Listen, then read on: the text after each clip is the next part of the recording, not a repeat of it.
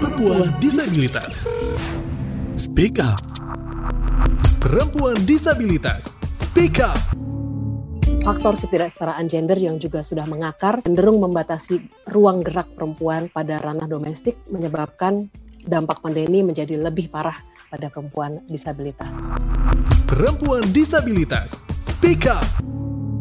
Halo, saat ini kamu sedang mendengarkan podcast Perempuan Disabilitas Speak Up yang dipersembahkan oleh Himpunan Wanita Disabilitas Indonesia atau HWDI. Di podcast ini kita akan berbagi informasi mengenai perjuangan perempuan disabilitas terhadap hak-hak dan perlindungannya di Indonesia. Dan tentu saja di podcast ini ada saya Ines Nirmala yang hadir sebagai hostnya. Perempuan disabilitas. Up. Sebagai upaya untuk memperbaiki sistem penegakan hukum dan akses keadilan bagi perempuan disabilitas, memperbaiki layanan kepada korban kekerasan berbasis gender, khususnya di masa pandemi, serta penguatan dukungan pendamping, keluarga, komunitas, dan tokoh masyarakat kepada korban atau penyintas kekerasan berbasis gender, Himpunan Wanita Disabilitas Indonesia atau HWDI sudah melakukan survei singkat dan diskusi kelompok terfokus secara daring. Analisis mengenai dampak COVID-19 pada kekerasan berbasis gender terhadap perempuan disabilitas di Indonesia mengungkap sejumlah isu penanganan kasus yang muncul di masa pandemi dan isu lama yang dalam masa pandemi semakin mendesak untuk segera dibenahi. Apa saja hasil temuan HWDI terkait berbagai isu kekerasan berbasis gender di masa pandemi dan seperti apa upaya penanganannya.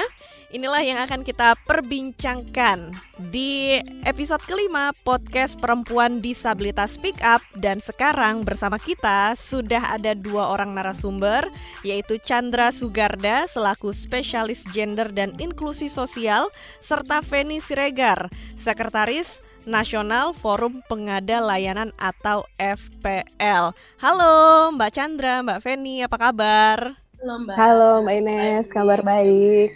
Wah, senang sekali nih kita bisa ngobrol-ngobrol di podcast Perempuan Disabilitas Speak Up.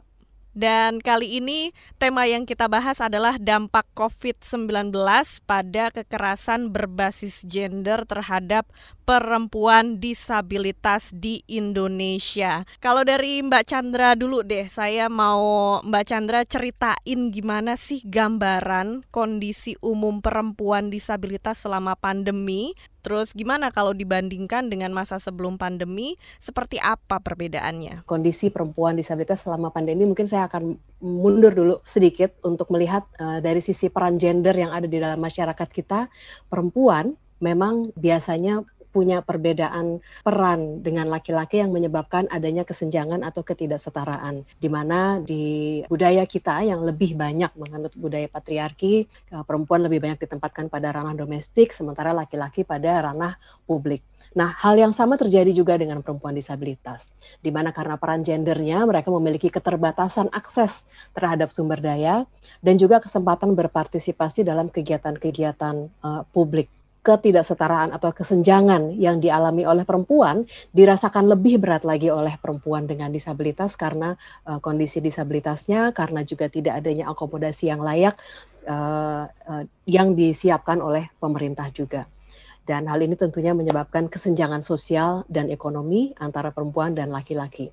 Nah, kondisi pandemi ini memperparah kondisi tersebut karena dampak pandemi, dampak bencana dan sebagainya itu biasanya dirasakan secara tidak proporsional antara laki-laki dan perempuan. Jadi perempuan biasanya terdampak lebih berat, lebih banyak dampak negatifnya dari pandemi maupun bencana dibandingkan dengan laki-laki. Hal yang sama juga terjadi uh, dengan perempuan disabilitas karena perempuan disabilitas juga mengalami uh, lebih banyak hambatan daripada perempuan non disabilitas dan karenanya ada faktor ketidaksetaraan gender yang juga sudah mengakar cenderung membatasi ruang gerak perempuan pada ranah domestik menyebabkan dampak pandemi menjadi lebih parah pada perempuan disabilitas. Kalau kita melihat gitu ya, khusus isu kekerasan berbasis gender masih banyak juga dialami oleh perempuan disabilitas di masa pandemi ini juga banyak terjadi. Bisa dijelaskan kekerasan berbasis gender seperti apa yang terjadi? Ya, kekerasan berbasis gender yang dialami kawan-kawan cukup beragam ya, uh, khususnya untuk kawan-kawan yang hasil apa HWDI bersama Mbak Chandra sebagai penulisnya, saya dan Mbak Mika dari KPI melakukan pendokumentasian uh, melihat bagaimana situasi perempuan di masa pandemi di 2020 uh, eh, yang lalu. Kita melihat dari ragam disabilitas, misalnya disabilitas fisik, sensorik, dan intelektual itu mengalami cukup banyak kekerasan berbasis gender ya kan kawan ya. Dari mulai mereka mengalami pemukulan gitu ya, eh, kekerasan pada umumnya misalnya penganiayaan, lalu penghinaan, pemaksaan, dikurung, lalu penitipan, uh, apa menjadi korban pornografi, seperti kekerasan berbasis gender online juga mereka mengalami penghukuman yang tidak manusiawi, lalu juga perkosaan, uh, pelecehan seksual, eksploitasi seksual dan perbudakan seksual juga mereka mengalami di situasi Covid seperti ini. Ini yang dialami oleh uh, kawan-kawan disabilitas uh, di masa pandemi dan sayangnya dari kasus-kasus yang dialami mereka hampir sulit memproses kasusnya karena kenapa mereka terkungkung oleh keluarganya begitu ya. Mereka juga tidak memiliki akses untuk keluar misalnya dan mereka juga belum percaya terhadap proses hukum yang ada. Nah pelaku kekerasannya cukup beragam nih kawan-kawan. Dari mulai orang terdekat misalnya orang tua keluarga gitu ya. Lalu ada tetangga lalu ada guru begitu. Lalu juga ada teman uh, medsos kekerasan ini mereka alami baik secara langsung uh, ataupun tidak langsung melalui media sosial ataupun uh, peretasan media-media yang mereka miliki itu yang masih dialami oleh perempuan-perempuan disabilitas. Nah, kondisi yang sama sebenarnya juga terjadi oleh perempuan non disabilitas, tapi mungkin rentannya perempuan disabilitas dua kali lipat mengalaminya uh, apa namanya dibanding perempuan non disabilitas karena mereka nggak punya akses, mereka nggak punya power buat apa namanya melaporkan kasusnya begitu. Iya, jadi perempuan disabilitas ini dua kali lebih rentan ya untuk mengalami kekerasan berbasis gender. Dan angkanya apakah meningkat tingkat kekerasan ini selama masa pandemi, Mbak Feni? Dia tidak berkurang yang pasti. Angka pandemi ini dalam kasus kekerasan seksual mereka meningkat. Tapi kalau dihitung jumlahnya mereka tidak sedikit gitu. Tidak berarti dalam pandemi ini mereka tidak mengalami gitu. Jadi bisa dibilang ya baik pandemi dan tidak pandemi uh, jumlahnya sama. Kalau dari temuan kita, dari sisi pelaporan kasus kekerasan yang terjadi pada perempuan disabilitas, itu sebanyak 68% responden mengatakan mereka tidak melaporkan kasus kekerasan yang menimpa dirinya. Mm -hmm. Ini yang kemudian membuat kita sulit untuk melihat uh, angka persisnya berapa sih gitu ya uh, perempuan disabilitas yang korban kekerasan berbasis gender gitu karena Uh, seperti tadi uh, sekitar 68 responden mengatakan tidak melaporkan uh, kasus kekerasan yang menimpa dirinya. Bagi yang melaporkan, mereka melaporkan ke either lembaga layanan atau tokoh masyarakat atau polisi dan RT RW, tetapi jauh lebih banyak yang uh, tidak melaporkan sehingga kita sulit juga untuk melihat atau uh, secara persis uh, apakah ada peningkatan atau atau tidak begitu ya. Uh, karena masih banyaknya uh, apa uh, kesulitan untuk melaporkan. Apalagi di masa pandemi di mana mobilitas terhambat begitu ya. Uh, ada pembatasan pembatasan mobilitas begitu. Sehingga uh, apa namanya yang biasanya mungkin ada kemungkinan ketemu orang lain terus bisa cerita gitu ya kalau ada kasus yang menimpa dirinya. Ini uh, si si korban harus di rumah terus gitu. Harus di rumah terus kemungkinan bersama dengan pelakunya satu rumah misalnya mm -hmm. pasangan gitu misalnya yang terjadi RT sehingga dia semakin tidak bisa melaporkan ke siapa-siapa karena dia tidak ketemu siapa-siapa. Misalnya mau mau pegang handphone diawasi terus gitu sama pelaku dan sebagainya. Sehingga itu semakin mempersulit kita untuk melihat angka pastinya berapa banyak uh, sebenarnya perempuan disabilitas yang menjadi korban dan apakah memang betul tidak ada penambahan atau justru ada penambahan tapi tersembunyi begitu. Mm-hmm. Ya, nah kalau berdasarkan survei HWDI sendiri, bagaimana Mbak Chandra mungkin bisa memberikan informasi hasil dari survei atau kajian yang dilakukan HWDI seperti apa? Jadi dari hasil uh, temuan kita jenis kekerasan yang dialami itu mayoritas atau 48% berupa penghinaan. Kemudian di urutan kedua 10% kekerasan fisik dan kemudian ada kekerasan-kekerasan uh, lainnya begitu di bawah 10%. Dari sisi kekerasan seksual 70% berupa pelecehan seksual yang dialami oleh perempuan disabilitas. 15% menjadi korban perkosaan dan 10% menjadi korban eksploitasi uh, seksual. Kemudian modus kekerasannya sendiri. Saat ini dengan adanya media sosial, apalagi orang jarang keluar rumah, kemudian jadi lebih banyak uh, bersama gadgetnya begitu. Uh, kekerasan melalui online dan offline ini proporsinya kurang lebih sama, masing-masing 36 persen begitu. Kemudian dari sisi pelaku kekerasan, mayoritas masih orang dekat atau teman dekat korban. Uh, kalau tidak pasangan, misalnya atau suaminya, uh, atau pasangan di luar rumah yang masih pacaran atau kekasih mm-hmm. uh, dari uh, korban begitu. Mm-hmm. Dari segi lokasi paling banyak terjadi di dalam rumah, tetapi selain itu kekerasan juga banyak uh, terjadi di uh, media sosial uh, yang tadi uh, sempat di, disebut oleh Mbak Feni melalui media sosial ini salah satunya merupakan bullying uh, yang merupakan kekerasan psikis uh, kategorinya itu banyak terjadi di media sosial. Kemudian upaya penanganannya hampir sepertiga dari responden yang mengalami kekerasan uh, mengatakan bahwa dia berusaha menangani kasus yang menimpanya sendiri. Coba bayangkan, jadi mm-hmm. dia sudah mengalami kekerasan, tapi dia ya udah saya coba sendiri deh, saya nggak nggak bisa ban- minta bantuan siapa-siapa gitu. Jadi ini uh, uh, sangat sulit gitu bagi korban. 90% di antaranya mendapat bantuan dari orang tua, kemudian 15% dari saudara kandung. Dan seperti yang saya sebutkan uh, di awal tadi, dari sisi pelaporan sendiri, mayoritas responden atau 68 persen tidak melaporkan kasus kekerasan yang menimpa dirinya, gitu. Jadi uh, banyak uh, sepertiganya berusaha menangani kasus sendiri, 68 persen mayoritas malah tidak melaporkan kasus kekerasan yang menimpa dirinya. Dan ini menjadi uh, salah satu hal yang uh, saya rasa paling paling perlu mendapatkan dukungan begitu.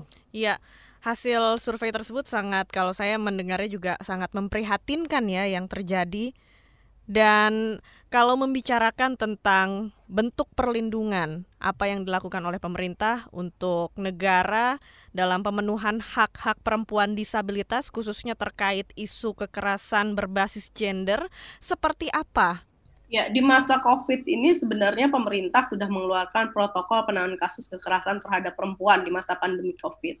Lalu juga ada protokol penanganan uh, disabilitas ya dalam situasi COVID itu sudah bagian sebenarnya un untuk rules bagaimana proses penanganan di masa pandemi.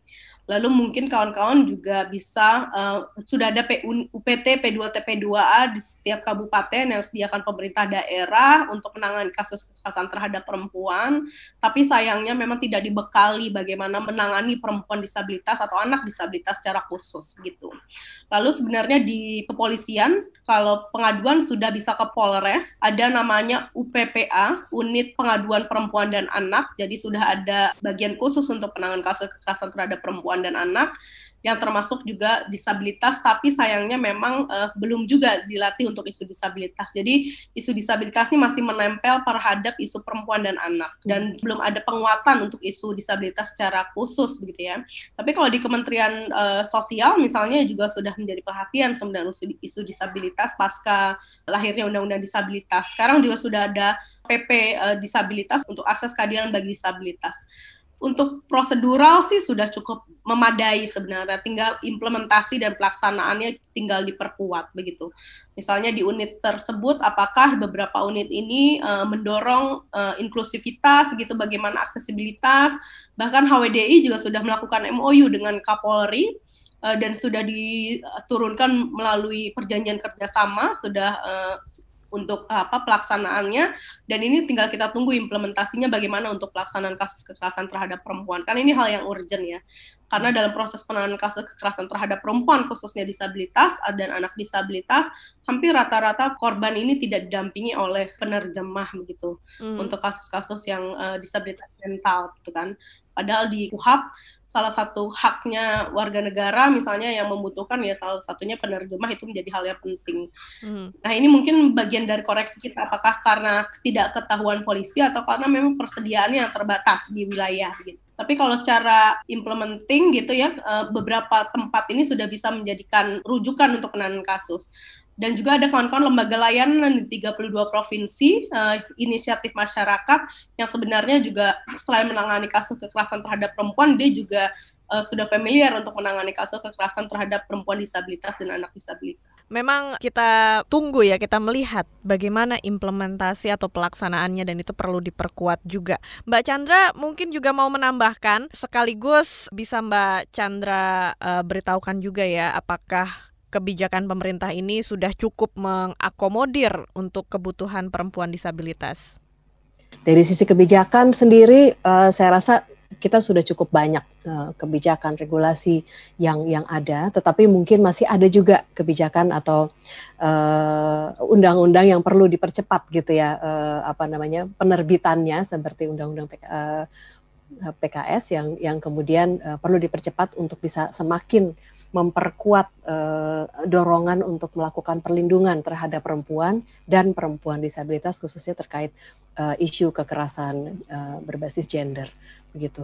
Jadi sepertinya kita masih akan mendorong beberapa hal gitu untuk untuk dilakukan oleh pemerintah untuk segera dikeluarkan oleh pemerintah karena kalau dari undang-undang sendiri bentuknya uh, sudah keluar masih ada butuh waktu mungkin satu atau dua tahun lagi sehingga menjadi peraturan pelaksana untuk bisa dilaksanakan begitu. Sehingga uh, semakin mundur undang-undang yang dikeluarkan maka semakin mundur juga uh, peraturan pelaksananya dan implementasinya nanti.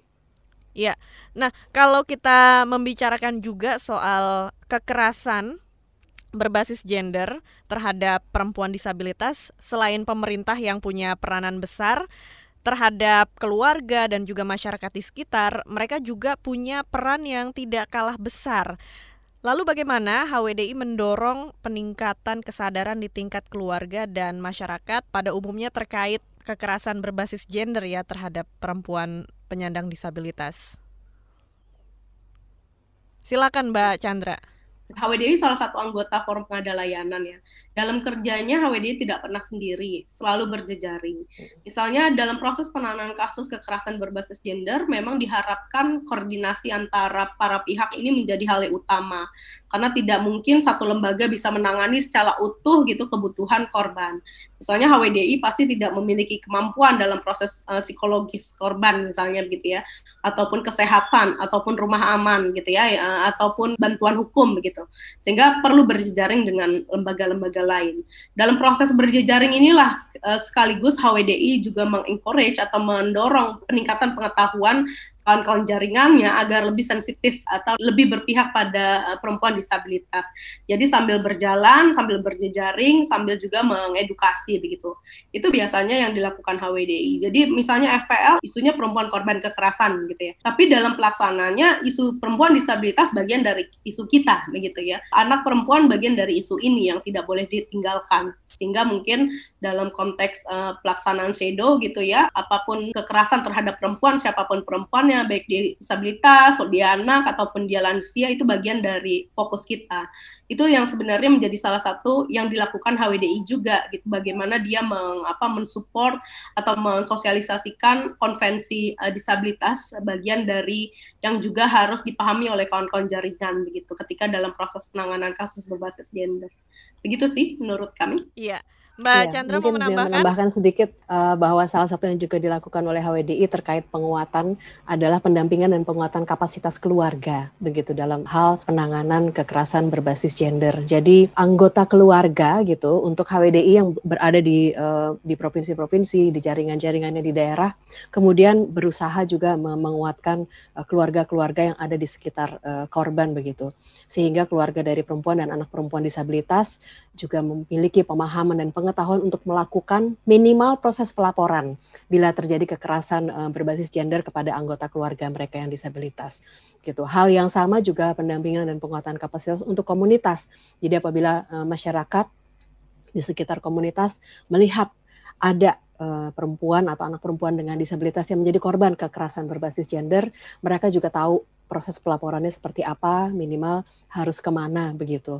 Dan satu lagi yang yang uh, kita lihat uh, salah satu temuan kita juga dalam dalam uh, studi ini adalah bahwa masih ada juga keluarga maupun komunitas yang punya stigma negatif terhadap teman-teman pendamping yang disabilitas sehingga mereka nggak mau kalau yang pendampingnya adalah disabilitas mereka nggak yakin bahwa si pendamping disabilitas ini uh, bisa melakukan uh, tugasnya begitu. Nah ini juga yang perlu kita kemudian kuatkan kita berikan informasi yang lebih dalam begitu untuk uh, supaya teman-teman yang dengan pendamping dengan disabilitas bisa melakukan tugasnya dan mendapatkan kepercayaan juga dari anggota keluarga korban maupun komunitas sekitarnya. Iya. Nah, tadi terkait uh, jika mengalami kekerasan uh, terhadap teman-teman uh, penyandang disabilitas atau kekerasan berbasis gender untuk mekanisme pelaporannya mungkin ada informasi gitu ya bisa uh, ke mana akses yang mudah untuk dihubungi untuk pelaporan kawan-kawan kalau menjadi korban kekerasan uh, terhadap perempuan uh, ataupun perempuan disabilitas kawan-kawan sebenarnya bisa kalau memang sudah parah, kawan-kawan misalnya bisa mengakses ke lembaga layanan setempat. Jadi kalau di FPL punya namanya lapor kasus di aplikasi yang bisa kawan-kawan cari uh, siapa lembaga layanan di wilayah setempat. Atau kawan-kawan uh, Jakarta Feminis ya kalau nggak salah juga punya uh, cari cari cari layanan misalnya gitu di di uh, di web gitu uh, yang bisa mengakses lembaga-lembaga layanan yang anggota FPL juga di daerah atau kawan-kawan bisa mencari P2TP2 setempat atau HWDI gitu ya di wilayahnya atau organisasi-organisasi disabilitas di lembaga di wilayah kawan-kawan. Kalau misalnya sudah uh, tidak ada kawan-kawan kalau dalam situasi yang genting kawan-kawan bisa ke unit PPA, UPPA di Polres, jangan ke Polsek harus ke Polres ada namanya unit PPA langsung ke sana. Kalau di depan polisi nanya e, kamu diapain ya nggak usah jawab kawan-kawan nanti harus tanya, jawabnya ketika misalnya kawan BAP di kepolisian. Selebihnya kawan-kawan nggak perlu cerita sama siapa pun polisi yang ada di Polres gitu. Atau kawan-kawan bisa menghubungi e, minta tolong sama RW setempat. Harusnya memang ini kan yang kalau dalam konteks e, kekerasan mereka menjadi apa ini apa namanya uh, strata terkecil untuk melindungi warga negaranya. Mereka kawan-kawan bisa menghubungi di sana, menghubungi mereka atau posko-posko penanganan kasus yang uh, milik uh, layanan berbasis komunitas, komunitas-komunitas juga bisa kawan-kawan uh, datangi atau kawan-kawan ada layanan kalau nggak tidak salah 112 atau 192 punya KPPA yang bisa memberikan layanan online juga untuk penanganan kasus kekerasan terhadap perempuan. Jadi cukup banyak sih iya. sebenarnya. Iya. Nah, ini Begitu. penting buat dicatat ya apa yang disampaikan Mbak Feni tadi tentang mekanisme pelaporannya seperti apa. Nah, terakhir dari Mbak Chandra dan Mbak Feni, apa yang ingin disampaikan pesan dan harapan kepada teman-teman perempuan penyandang disabilitas? Ya, boleh dari Mbak ya, Chandra. Uh, mungkin saya dulu ya, Mbak Feni ya. Nanti habis itu Mbak Feni melengkapi. Eh, pesan-pesan uh, uh, untuk teman perempuan disabilitas, kalau misalnya mengalami uh, satu hal. Jadi kita harus kenal dulu kekerasan berbasis gender itu apa saja sih? Ada lima yang kita mesti mesti tahu dulu ya sebelum kita bisa uh, menentukan. Yang pertama adalah kekerasan seksual. Kekerasan seksual itu misalnya perkosaan, pelecehan, eksploitasi, pemaksaan prostitusi gitu misalnya pemaksaan kehamilan dan seterusnya. Kemudian ada kekerasan fisik. Kekerasan fisik tentunya pemukulan dan seterusnya uh, biasanya dilakukan oleh uh, lawan jenis gitu ya. Ini biasa terjadi di dalam rumah tangga. Kemudian ada kekerasan sosial ekonomi. Ini juga merupakan kekerasan berakibat pada penelantaran ekonomi dan pemiskinan korban. Jadi kalau teman-teman perempuan disabilitas mengalami hal ini, bisa Anda laporkan karena ini masuk terhadap ya masuk dalam kategori kekerasan sosial ekonomi. Contohnya misalnya penelantaran ekonomi oleh suami terhadap istri dan anaknya atau dalam relasi di luar perkawinan, misalnya tindakan seorang kekasih yang mengancam pasangannya untuk membiayai hidupnya begitu. Kemudian yang keempat adalah kekerasan psikis atau mental. Tadi sudah kita sebut di awal salah satunya yang sekarang paling uh, banyak terjadi adalah bullying melalui media sosial. Hmm. Ini adalah kekerasan yang dilakukan secara verbal dan melukai kondisi psikologis seseorang. Jadi teman-teman perlu ingat gitu. Pernah nggak mengalami hal seperti ini? Kalau mengalami hal seperti ini dan merasa tidak enak sekali dan merasa betul-betul terluka, ini adalah satu hal yang bisa dilaporkan begitu. Dan yang terakhir adalah praktek sosial budaya yang membahayakan, yang uh, misalnya contohnya adalah perkawinan dini, uh, kemudian perkawinan paksa, ini juga merupakan salah satu bentuk uh, kekerasan berbasis gender. Nah, dengan me mengenali jenis-jenis kekerasan berbasis gender ini, teman-teman perempuan disabilitas itu bisa mengenali apa yang terjadi pada dirinya. Jadi kadang-kadang kan kita kalau dimarahin, dibentak-bentak atau ada kekerasan verbal gitu ya, kita ya oh ya udah deh terima aja gitu. Tetapi enggak, ini ini ada ada hukumnya begitu. Uh, ada yang mana yang masuk kategori kekerasan berbasis gender, ada juga yang uh, masuk kekerasan uh, kategori kekerasan umum lainnya dengan mengenali hal-hal seperti ini, teman-teman saya harapkan bisa mulai melakukan uh, refleksi diri apa yang terjadi pada dirinya, juga bisa mulai melihat ke sekitarnya. Siapa tahu ada teman-teman di sekitarnya yang mengalami hal itu tetapi tidak tahu harus melakukan apa. Ya, yes. uh, sekarang gitu. Mbak silakan Mbak Feni Mbak Feni silakan. Ya, saya sih menambahkan bagaimana saya berharap kawan-kawan ketika menjadi apa terjadi kasus kekerasan terhadap diri kawan-kawan disabilitas jangan pernah menyalahkan diri kawan-kawan. Hmm. Kawan-kawan tidak bersalah, kawan-kawan uh, bukan penyebab terjadinya kekerasan ketika apa kondisi disabilitas kawan-kawan juga bukan menjadi hal yang pembenaran untuk korban atau uh, apa pelaku melakukan kekerasan terhadap korban.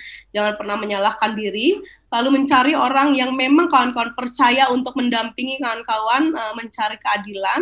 Lalu kami berharap juga kawan-kawan uh, apa namanya juga memahami bagaimana cara berinteraksi gitu ya. Jadi memahami siapa yang sebenarnya baik atau sekarang modelnya macam-macam soalnya Mbak. Bisa jadi mereka melakukan tipu muslihat, kebohongan gitu ya atas dasar uh, apa tujuannya ingin melakukan kekerasan.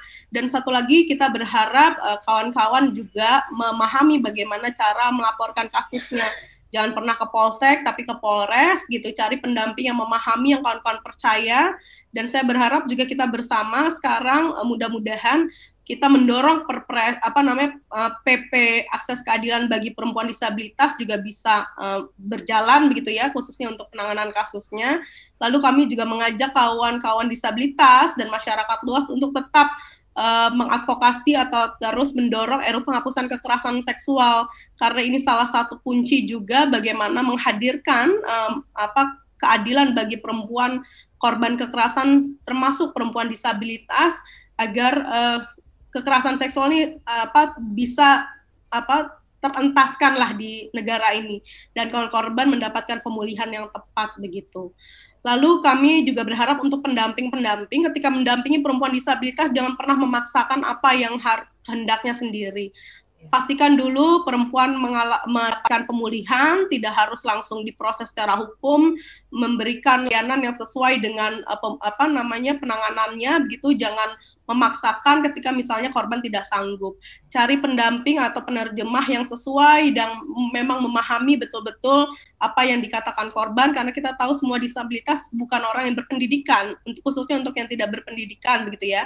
Dan untuk disabilitas mental juga kawan-kawan juga harus berhati-hati, harus berkomunikasi misalnya dengan HWDI, HWDI udah punya call centernya, kawan-kawan bisa berkonsultasi, kawan-kawan pendamping apa yang harus dia lakukan sehingga langkah-langkahnya bisa uh, sinergi dan tidak merugikan untuk korban. Itu sih dari saya terima kasih. Wah, luar biasa banget apa yang sudah dijelaskan oleh narasumber kita Mbak Feni Siregar dari Forum Pengada Layanan dan Mbak Chandra Sugarda, spesialis gender dan inklusi sosial. Tentu saja harapan kita supaya penanganan kekerasan terhadap perempuan bisa lebih baik lagi di negara kita dan juga segala jenis kekerasan terhadap perempuan dan juga perempuan penyandang disabilitas ini bisa uh, menurun angkanya ya di negara kita. Terima kasih sudah mendengarkan podcast Perempuan Disabilitas Speak Up. Untuk ide dan masukan, silahkan email ke podcast at kbrprime.id dan tulis di bagian subjek podcast HWDI. Jangan lupa ikuti juga podcast yang cocok untuk curious mind kamu di www.kbrprime.id atau di platform mendengarkan podcast lainnya. Ikuti juga kita di Instagram @kbr.id dan sampai ketemu di episode selanjutnya. Perempuan disabilitas. Speak up. Perempuan disabilitas Speak Up dipersembahkan oleh Himpunan Wanita Disabilitas Indonesia HWDI didukung oleh Disability Rights Fund.